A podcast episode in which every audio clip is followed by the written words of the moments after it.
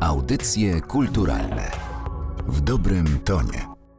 Przy mikrofonie Natalia Ryba. Witam Państwa w kolejnym odcinku audycji kulturalnych. Dzisiaj zabieram Państwa w podróż do przeszłości, do Krakowa i do świata jazzu. Naszym gościem jest Witold Wnuk, muzyk jazzowy, dyrektor Summer Jazz Festival Kraków. Dziś opowie o swojej książce Jazz w piwnicy pod baranami 25 lat Summer Jazz Festival Kraków. Ten festiwal swoje początki ma w wyjątkowym miejscu piwnicy pod baranami. To już miejsce kultowe. Od swych początków było ostoją sztuki i swobody myśli. To tu spotykali się młodzi, początkujący twórcy. Jedną z najważniejszych piwniczych postaci był Piotr Skrzynecki. To właśnie on zasugerował w 1996 roku Witoldowi Wnukowi, żeby zorganizował festiwal jazzowy w ramach obchodów 40-lecia piwnicy. Tak zrodził się istniejący już od ćwierćwiecza letni festiwal jazzowy w piwnicy pod Baranami. Publikację wydaną w 2020 roku przypominamy w związku z nadchodzącym Jazz Prudnik Festival, nad którym Narodowe Centrum Kultury objęło patronat. Z naszym dzisiejszym gościem będzie można spotkać się na tym wydarzeniu w ramach spotkania autorskiego już 7 sierpnia. Książka, o której dzisiaj rozmawiamy, to sentymentalna podróż autora do początków festiwalu jazzowego w Krakowie. Pan Witold przybliży nam początki muzyki jazzowej, jej ewolucję, a także przytoczy wiele interesujących historii. Zapraszamy do wysłuchania rozmowy pełnej wspomnień.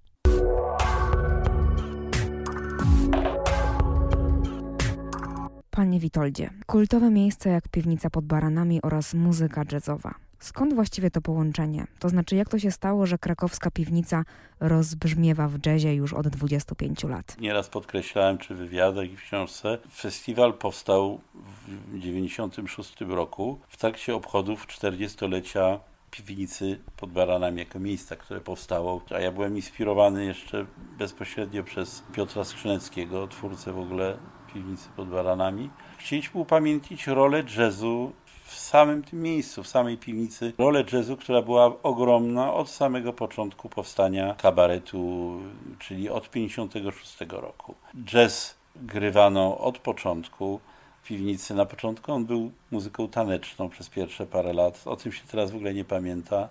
To jest rzecz, którą my przy każdej okazji przypominamy i ja zaznaczam, że bardzo bym chciał, żeby ta popularność jazzu wróciła, bo też kiedyś to był po prostu muzyka popularna, taka jak teraz pop. Bawiono się w 40 50 latach jeszcze do końca, a nawet początku 60 przy muzyce jazzowej.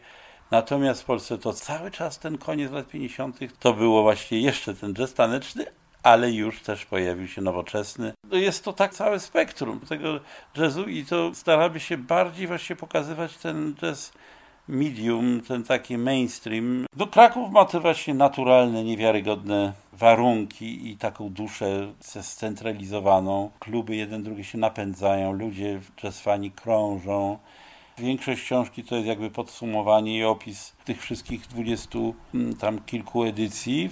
Jakkolwiek też no, nawiązanie do historii, gdzie wspominałem, jazz był obecny od samego początku w piwnicy i towarzyszył. Czasami był bardzo aktywny, czasami trochę zanikał, tak było bardzo niewiele. To jedynie w latach 60. troszeczkę przygasło, ale tak poza tym ja sam już od lat początku 80. tam intensywnie grywałem. Czy jest potrzeba czegoś takiego? No i to tak wspaniale wypaliło w tym 96 roku, że już potem się potoczyło naturalnie się do dzisiaj rozwija. Piwnica jeszcze dodatkowo wyzwala no, energię i jakąś taką często tremę twórczą. No, ja nie zapomnę, jak no, mówię o Ewa, Ewa B, która występowała u mnie w krajach arabskich, ale jakoś do piwnicy jakoś nie po drodze w tym okresie letnim, bo i dopiero nie wiem, 5 lat temu, czy coś takiego pierwszy raz wystąpiła. Się okazało, że w ogóle w, na scenie w piwnicy i mówiła, że miała taką tremę przed wejściem, prawda, Ewa Bem, nasza diwa największa, a jednak to miejsce zobowiązuje, miejsce jest naprawdę jedno z głównych miejsc, gdzie polski jazz się rodzi, o ile w ogóle nie główne. W swojej książce zebrał Pan opowieść z koncertów na przełomie lat 1996-2019. Czy są jakieś anegdoty, które przychodzą teraz Panu do głowy, o których mógłby Pan opowiedzieć? Tam były takie postacie kluczowe dla festiwalu, które też ogniskowały wokół siebie tłumy i powodowały często różne happeningi, czy właśnie anegdotyczne sytuacje. Jedną z takich postaci był wokalista i pianista Jerzy Michał Bożyk, Jurek Bożyk zupełnie legendarna postać, jaki był takiego undergroundu, sceny jazzowej czy kabaretowej. On od początku festiwalu aż do śmierci był jedną z centralnych postaci, jakby na obrzeżach mainstreamu, bo on miał swoje nocne, obsceniczne recitale. Po północy rozpoczynał w piwnicy.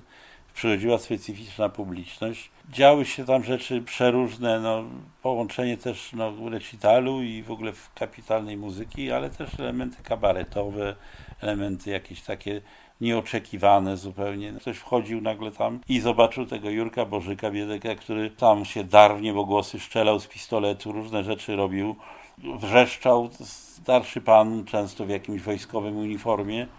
Na przykład była kiedyś, prawda, grupa Duńczyków, no i on tam wrzeszczy, wrzeszczy, jak oni niegrzeczni tam mu dokuczali, w pewnym momencie on wziął i nogą swoją rzucił w nich, prawda, bo on nie miał obu nóg, miał protezy, które były tylko tak lekko, niektóre mocno, a niektóre tylko przykręcane, prawda, i teraz efekt kogoś, kto nie wie o tym, że on normalny pianista i nagle, prawda, grozi tam nogą, to przecież można dostać szoku, prawda. Niezwykła postać. Jego popularność będzie wzrastać. Kochał ten Lwów, w swoich piosenkach wspominał. Tak jak Kraków kochał, tak i Lwów, a jeszcze w Łodzi też kawał życia. Zawsze festiwal się kończył koło 1 sierpnia. Jurek na końcu zawsze w piwnicy na balu. To on za tymi kratami przy ubikacjach tam dawał recital gdzie na dużej sali było 40 osób, 50, a tu na schodach przy tych toaletach jest 100 osób, bo to były słynne recitale toaletowe tak zwane. Że to była postać Jurek Bożyk no zupełnie tutaj kluczowa i, i w książce jest wiele opisanych z jego udziałem też happeningów. No odszedł niestety, ale jest cały czas duchem z nami i napędza nas różnych działań. Przykład anegdotyczny tych czasów, tego, tej przemiany jazzu tanecznego na jazz nowoczesny. W pierwszych latach 56, 7 i kawałek 8 jazz był tylko i wyłącznie taneczny, grany przed kabaretem, albo po kabarecie, albo w ogóle w dni, w którym nie było kabaretu. Ludzie przychodzili potańczyć na potańcówę przy jazzie. Przyszli teraz ci wspaniali i genialne nazwiska, o których wspominałem na czele z Komedą i Ptaszynem Rublewskim i oni przywieźli już jazz taki bardziej nowoczesny, nawiązujący do trendów z zachodu, które w 50 latach owładnęły. To jest ten styl cool, prawda, to już post-bebop, inne, czy wręcz poszukiwania już zupełnie nowoczesne, przy których się nie da tańczyć za bardzo. Ludzie się przyzwyczaili, że te, ci muzycy ten jazz mają do tańca.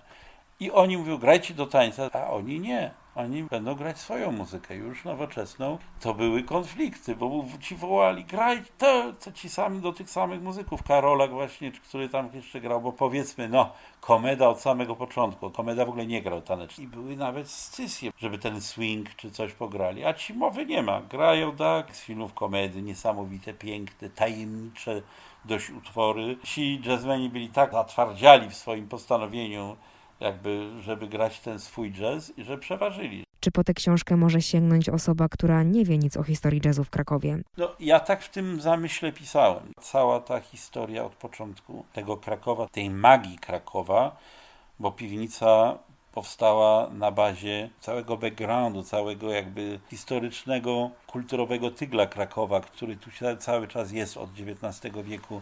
Ta magia niesamowita Krakowa, że można w ciągu 10 minut obejść w Krakowie tych ileś klubów, pięć klubów jazzowych, prawda? jedne na drugich się przechodzi, to to przypomina Nowy Orlean. Ja o tym piszę ciągle, to się przeplata, bo ja tam robię jakby nawiązania do, do tego rozwoju jazzu w całym Krakowie, nie tylko piwnicy samej, ale tych innych ośrodków, które też dość mocno wspominam, zarówno o Helikonie, słynnym legendarnym klubie, który działał w latach 60., czy Jaszczury, które wspaniałe działały też od 60. w zasadzie do 90. lat.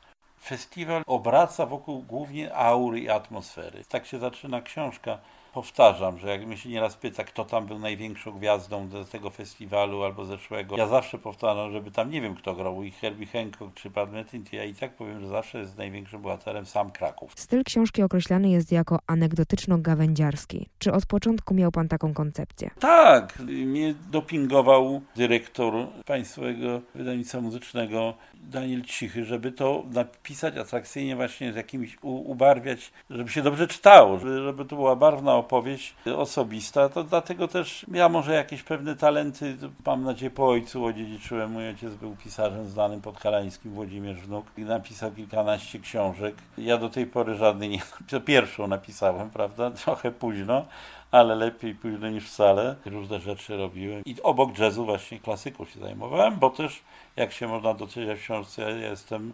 zawodowym muzykiem klasycznym, absolwentem wiolonczeli Akademii Krakowskiej i na wiolonczeli grałem. Natomiast no, też miałem flirty, ale to jazzowe z fortepianem i z perkusją. Polecam tą książkę, bo jest ona rzeczywiście chyba barwna i tak może komuś, ktoś nie zna atmosfery krakowskiej piwnicy, albo zna piwnicę tylko ze strony kabaretowej, to jest kopalnia wiedzy o różnych tam zdarzeniach ciekawych. Panie Witoldzie, dziękuję za rozmowę. Państwa zachęcam do sięgnięcia po książkę, o której więcej będzie można usłyszeć już 7 sierpnia podczas spotkania autorskiego w ramach Jazz Prudnik Festival. W programie festiwalu także warsztaty wokalne, wystawa fotograficzna, pokazy filmowe oraz koncerty. Wystąpi m.in. Judyta Pisarczyk Quartet oraz Piotr Wójcicki Quintet. Dziękuję Państwu za uwagę. Do usłyszenia. Audycje kulturalne w dobrym tonie.